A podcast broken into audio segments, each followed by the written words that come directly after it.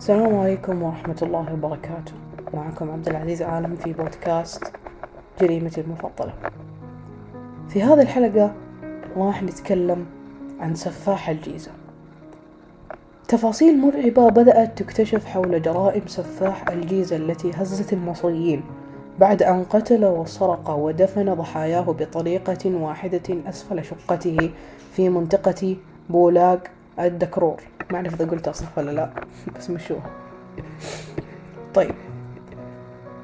في عام 2015 قرر قذافي التخلص نهائيا من صديق عمره رضا محمد الذي يعمل مهندسا في إحدى الدول العربية منذ عشرين عاما حيث كان صديقه الوحيد والأمين على أسراره وجميع ممتلكاته أيضا ويدير تجارته.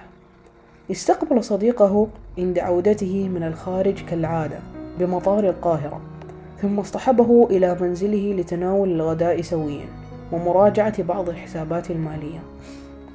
وهناك وضع السم في طعامه لينهي حياة صديقه الذي أصبح عائقا أمام حلمه في امتلاك ثروته.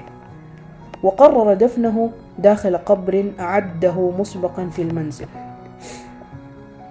وفي ثاني أيام الجريمة اكتشفت أسرة المهندس رضا اختفاءه وسرعان ما بدأت رحلة البحث عنه بقيادة المتهم نفسه الذي كان يرافق الأسرة في كل مكان بحثا عن ابنها.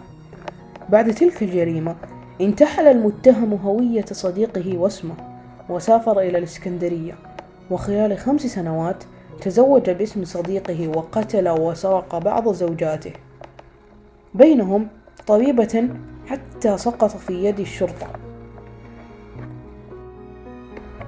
أحداث مرعبة ومخيفة.